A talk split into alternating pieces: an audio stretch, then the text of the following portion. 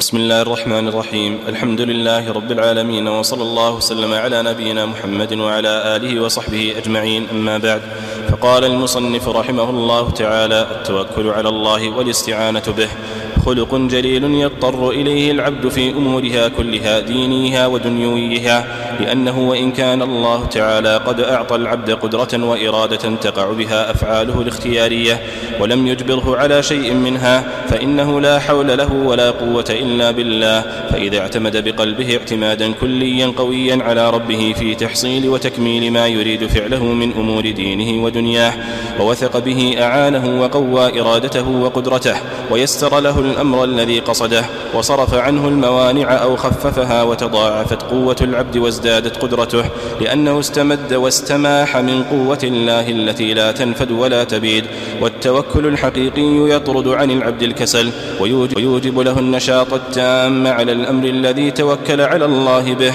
ولا يتصاعب شاقه ولا يستثقل أي عمل ولا ييأس من النجاح وحصول مطلوبه عكس ما يظنه بعض المنحرفين الذين لم يفهموا معنى التوكل أو فهموه لكن إنكار القدر والقضاء صرفهم عن الحق فحسبوا أن التوكل, أن التوكل يضعف الهمة والإرادة وأساءوا غاية الإساءة حيث ظنوا بربهم الظن السوء فإن الله أمر بالتوكل في آيات كثيرة وأخبر أنه من لوازم الإيمان ووعد المتوكلين الكفاية وحصول المطلوب وأخبر أنه يحبهم وأنه لا يتم الدين إلا به ولا تتم الأمور إلا به فالدين والدنيا مفتقرات إلى التوكل. قال الله تعالى قال تعالى وعلى الله فتوكلوا إن كنتم مؤمنين. وقال فاعبده وتوكل عليه. وقال فقل حسبي الله لا إله إلا هو عليه توكلت. وقال على الله توكلنا. وقال ومن يتوكل على الله فهو حسبه. وقال إياك نعبد وإياك نستعين.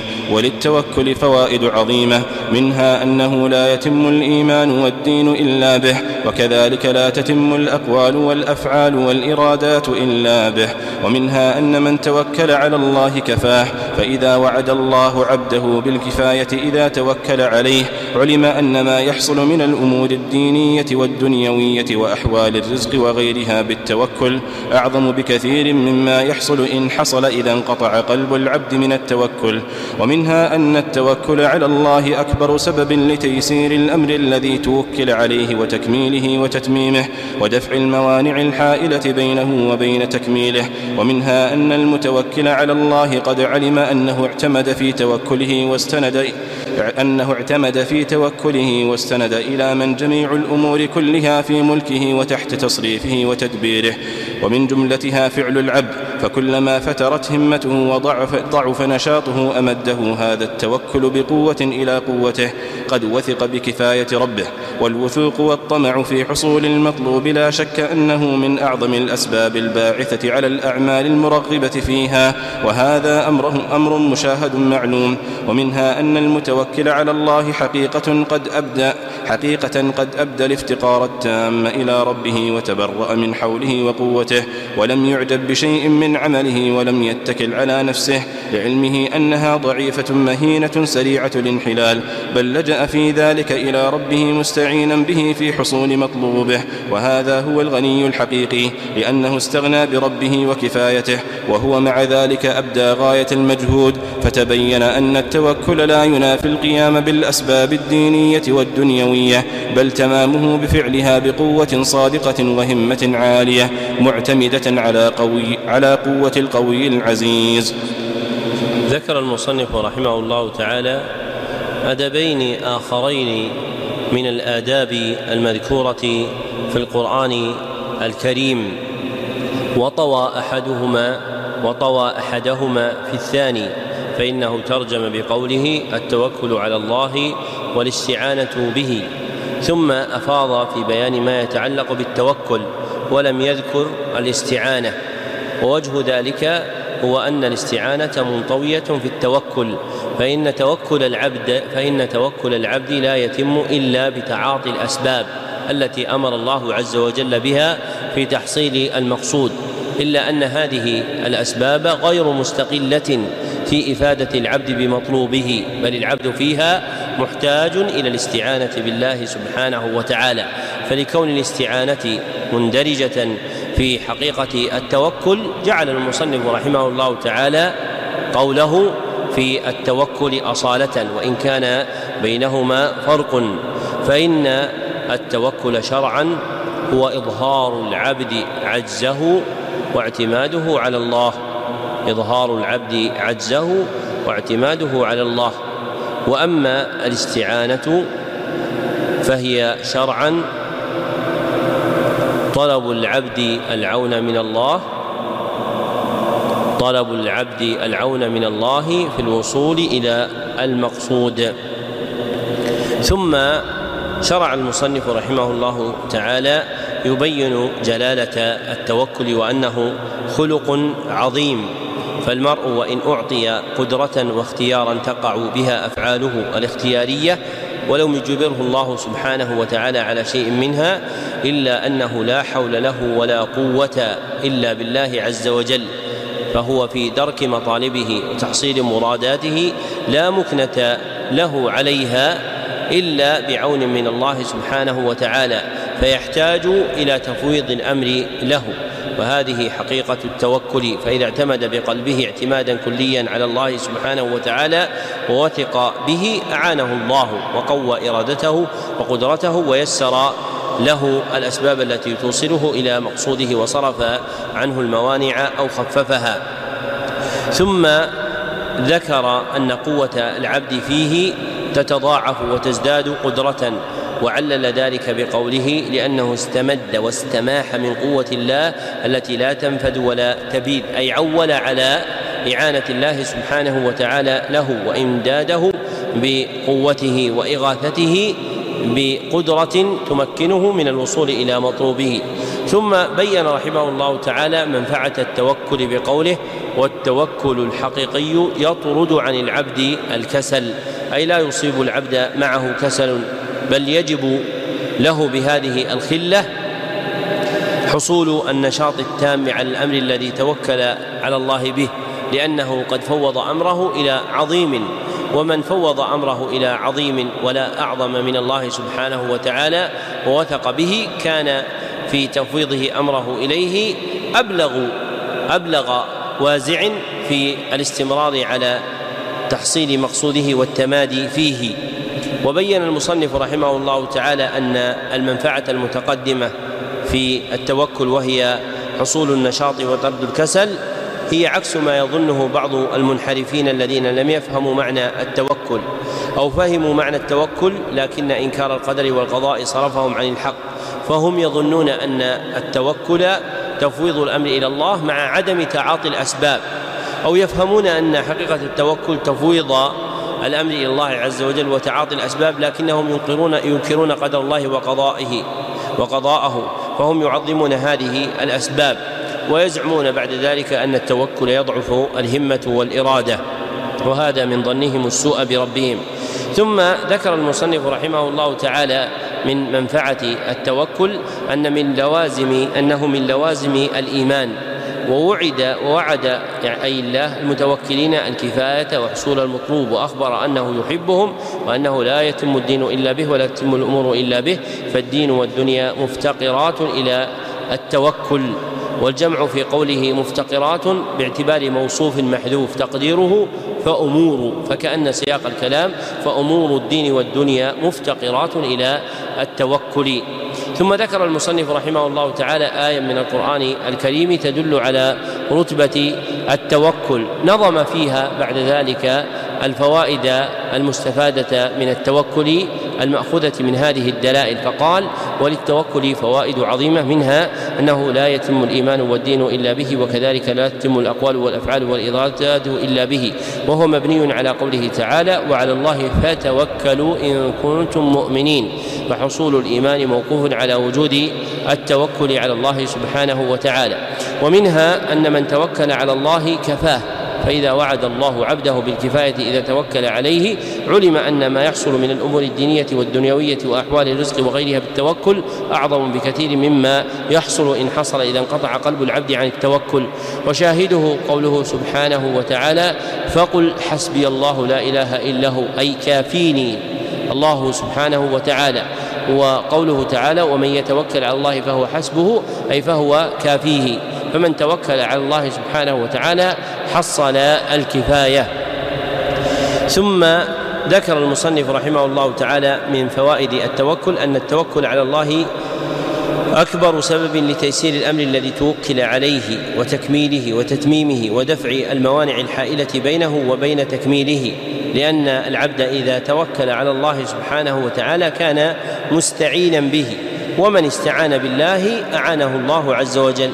فالتوكل من أكبر الأسباب التي تتيسر بها الأمور.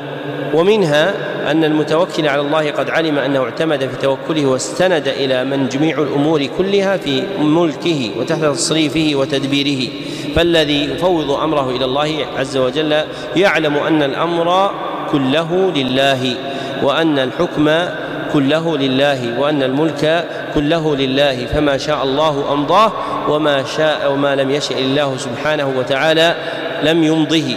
فالواثق بهذا الأصل يكون أعظم وأبلغ ممد له بالقوة هو شهوده هذا الأمر وهو ثقته بالله سبحانه وتعالى. ومنها أن المتوكل على الله حقيقة قد أبدى الافتقار التام إلى ربه وتبرأ من حوله وقوته لأن حقيقته أنه يفوض هذا الأمر إلى الله سبحانه وتعالى فهو لا يكل الأمر إلى نفسه. وهذا معنى قوله تعالى إياك نعبد وإياك نستعين فإن المستعين بالله سبحانه وتعالى متبرئ من كل حول وقدرة فهو متبرئ من جميع أخلاق أفراد أخلاق الكبرياء. قال أبو العباس ابن تيمية رحمه الله تعالى إياك نعبد تدفع داء الرياء وإياك نستعين تدفع داء الكبرياء. نقله تلميذه ابن القيم في مدارج السالكين. فإذا قال العبد وإياك نستعين تبرأ من كل كبر و تجبر في قلبه أن يكون أن تكون له قدرة على شيء وفوض الأمر إلى الله سبحانه وتعالى وأبدى افتقاره ولم يتكل على نفسه لعلمها أنها ضعيفة مهينة سريعة الانحلال. فإن نفس الإنسان أعجل شيء يفوته إذا وكل أمره إليها. فإن أعدى عدوك نفسك التي بين جنبيك. وروي في هذا حديث لا يصح لكن الشرع جاء بالتنبيه على تبرؤ الإنسان من حوله وقدرته كما في حديث فاطمة عند النسائي واسناده حسن في عمل اليوم والليلة. وفيه أن النبي صلى الله عليه وسلم قال ولا تكلني إلى نفسي طرفة عين. فإذا كان النبي صلى الله عليه وسلم مع كمال حاله متبرئا من الثقة بنفسه فإن غيره أولى بالبراءة من الثقة بالنفس لأن النفس لا يعول عليها فإنها كثيرة التقلب وهي تارة لوامة وتارة وتارة أمارة بالسوء فما كان متقلبا لا ينبغي التعويل عليه. ومن الكلمات الباطلة الرائجة بين الناس قولهم تجب الثقة بالنفس. فإن هذه الكلمة مخالفة لما أرشد إليه النبي صلى الله عليه وسلم في قوله ولا تكلني إلى نفسي طرفة عين وهم يريدون بها وجود العزم. فمرادهم صحيح لكن اللفظ الذي أرادوه ليس صحيحا فهم يقولون يجب أن يكون عند الإنسان ثقة في الوصول إلى مقصوده و أرادوا معنى ذلك أن تكون له عزيمة واجتهاد في تحصيل مقصوده وهذا المعنى حق لكن اللفظ الذي وضعوه ليس بحق فإن الثقة بالنفس لا تجوز وقد سئل العلامة محمد بن إبراهيم آل الشيخ رحمه الله تعالى هل تجب الثقة بالنفس؟ قال بل لا تجوز. انتهى كلامه. أي لا يجوز للإنسان أن يعول على نفسه أبدا لأن النبي صلى الله عليه وسلم نبه إلى طلب التبرؤ منها وعدم الركون إليها لأنها لا تغني من الإنسان شيئا كما قال الشاعر إذا لم يكن من الله عون للفتى فأول ما يجني عليه اجتهاده وقال الآخر إذا لم يكن من الله عون للفتى أتته الرزايا من وجوه الفوائد. ثم بين المصنف رحمه الله تعالى أن البراءة من الحول وعدم التعلق بالثقة بالنفس هو الغنى الحقيقي. لأن المتبرئ من حوله وقوته قد فوض أمره إلى الله سبحانه وتعالى فهو المستغني حقيقة بسبب وثيق وهو الغنى بالله سبحانه وتعالى لأن الله عز وجل هو كافيه ولا كافي سواه سبحانه وتعالى. وإذا علم أنه لا كافي سواه علم أن أي لفظ يدل على خلاف ذلك فإنه ممنوع فإن الكفاية بأحد من الخلق لا تكون. ولذلك جاءت الآيات في أبواب في باب التوكل دالة على الحصر تارة مثل قوله تعالى على الله توكلنا أو قوله تعالى فقل حسبي الله لا إله إلا هو عليه توكلت أو قوله سبحانه وتعالى إياك نعبد وإياك نستعين للتنبيه إلى وجوب التباعد عن كل ما يخالف ذلك إما من لفظ وإما من فعل. ومن الرائج على ألسنة الناس في بعض البلدان قولهم عند التعريف بأحدهم محسوبك فلان. ولا محسوب إلا الله سبحانه وتعالى إلا الله سبحانه وتعالى. فإن معنى محسوبك فلان يعني كافيك فلان. والكفاية لا تكون إلا من الله سبحانه وتعالى. فلا يجب أن يكون لأحد من الخلق تعلق بالكفاية من أحد من الخلق. ثم ذكر المصنف رحمه الله تعالى أن العبد المستغني بربه ومكتفيا به هو مع ذلك قد أبدى غاية المجهود أي بذل غاية المجهود بتعاطي الأسباب. فتبين أن التوكل لا ينافي القيام بالأسباب الدينية والدنيوية بل ذلك من شرط صحة التوكل. فإن الذي يفوض أمره ويظهر عجزه دون تعاطي الأسباب التي أمر بها الشرع أو جرى بها العقل فإنه لا يكون متوكلا توكلا صحيحا. بل تمام التوكل بفعلها أي باتخاذ الأسباب بقوة صادقة وهمة عالية معتمدة على قوة القوي العزيز. فإن هذه الأسباب لا تستقل بنفسها في المنع أو العطاء. فهي تابعة لقدر الله سبحانه وتعالى ولكن الله عز وجل جعل في كونه سننا مضطرده فينبغي على العبد أن يسلك هذه السنن فإن المرء لا يرزق ولدا بلا نكاح والمرء لا يقذف ثمرا بلا شجر فينبغي أن يسلك المرء هذه الأسباب التي قدرها الله سبحانه وتعالى مع كمال تفويض أمره إلى الله عز وجل وأمر التوكل عظيم. فإن الإنسان محتاج إليه في كل أحواله كلها وهو ليس محتاجا إلى مجرد معناه بل محتاج إلى حقيقة ثبوته في القلب. ففي حديث عمر عند أحمد أن النبي صلى الله عليه وسلم قال لو أنكم توكلون على الله حق توكله لرزقكم كما يرزق الطير. تغدو خماصا وتروح بطانا. فإن قوله صلى الله عليه وسلم لو أنكم توكلون على الله حق توكله فيه إنباه إلى التوكل المطلوب. وهو التوكل الحق أي الذي لا تخالطه شائبة سواء من تطلع الإنسان إلى نفسه ووثوقه بها أو من تطلع الإنسان إلى الأسباب المحيطة بمطلوبها بمطلوبه. فلا يتمكن المرء من الوصول إلى التوكل الحق إلا بتجريد نفسه من نظرين أحدهما من نظره إلى قوته هو والآخر من نظره إلى الأسباب التي قدرها الله سبحانه وتعالى.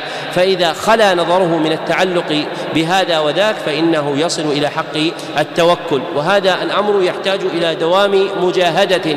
فإن الإنسان محتاج إلى التوكل على الله سبحانه وتعالى في صغير أمره وكبيره وسره وعلنه. ومن أعظم أسباب العون والقوة هو التوكل على الله سبحانه وتعالى.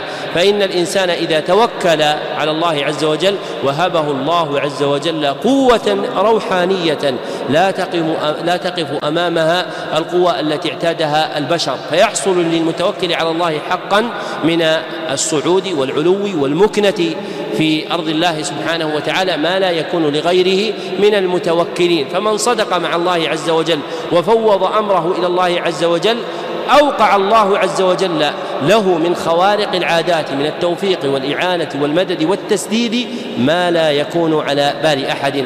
ومن لطائف القصص التي تحكى وتسجى في مثل هذه المحال أن رجالا كانوا في الزمن السابق ممن يذهبون إلى بلدان أخرى في ركائب أي في نوق يطلبون ميرة أي تمرا أو غيره من أنواع الغذاء.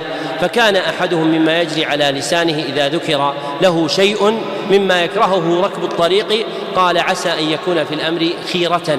ومثل هذه المقالة فيها تفويض إلى الله عز وجل. فهم إذا وقع منهم بعير فانكسر قال عسى أن يكون في ذلك خيرة.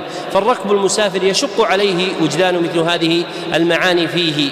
فعمد أحد أصحابه ليلا إلى بعيره فاقتاده فربطه في مكان بعيد. ثم رجع فلما أصبحوا قالوا قالوا له يا فلان إن بعيرك قد ضاع وليس موجودا مع الإبل المقيدة فذهب ينظر ها هنا وها هنا فلم يجده فقال لعل في الأمر خيرة فضحكوا منه وهم قد أزمعوا على أن يفعلوا به هذا الأمر لأنهم سيركبون على النوق ويمشون وهو سيركب سيمشي على رجليه فلما مشوا مع طلوع الفجر مريدين الوصول إلى بلدة الأحساء لأنهم كانوا يمتارون التمر منها فما باعدوا موضعهم الذي كانوا فيه حتى أغار عليهم بعض قطاع الطريق. فسلبوهم إبلهم التي كانت معهم وسلاحهم الذي كانوا معهم. فلما رأوا ما انتهوا إليه بعد انصراف هؤلاء الذين أخذوا ركائبهم قالوا لفلان يا فلان لا نظن أن الله عاقبنا إلا بضحكنا بك. فأخبروه أن ناقته مربوطة في المكان الفلاني فذهب وأحضرها فوصل إلى الأحساء على جمل ووصلوا هم يمشون وهذا من شواهد صدق التوكل على الله سبحانه وتعالى أن الله عز وجل يجعل لصاحبه قوة ومددا وإعانة وتوفيقا وهذا آخر البيان على هذه الجملة. بالله التوفيق والحمد لله رب العالمين وصلى الله وسلم على عبده ورسوله محمد وآله وصحبه أجمعين.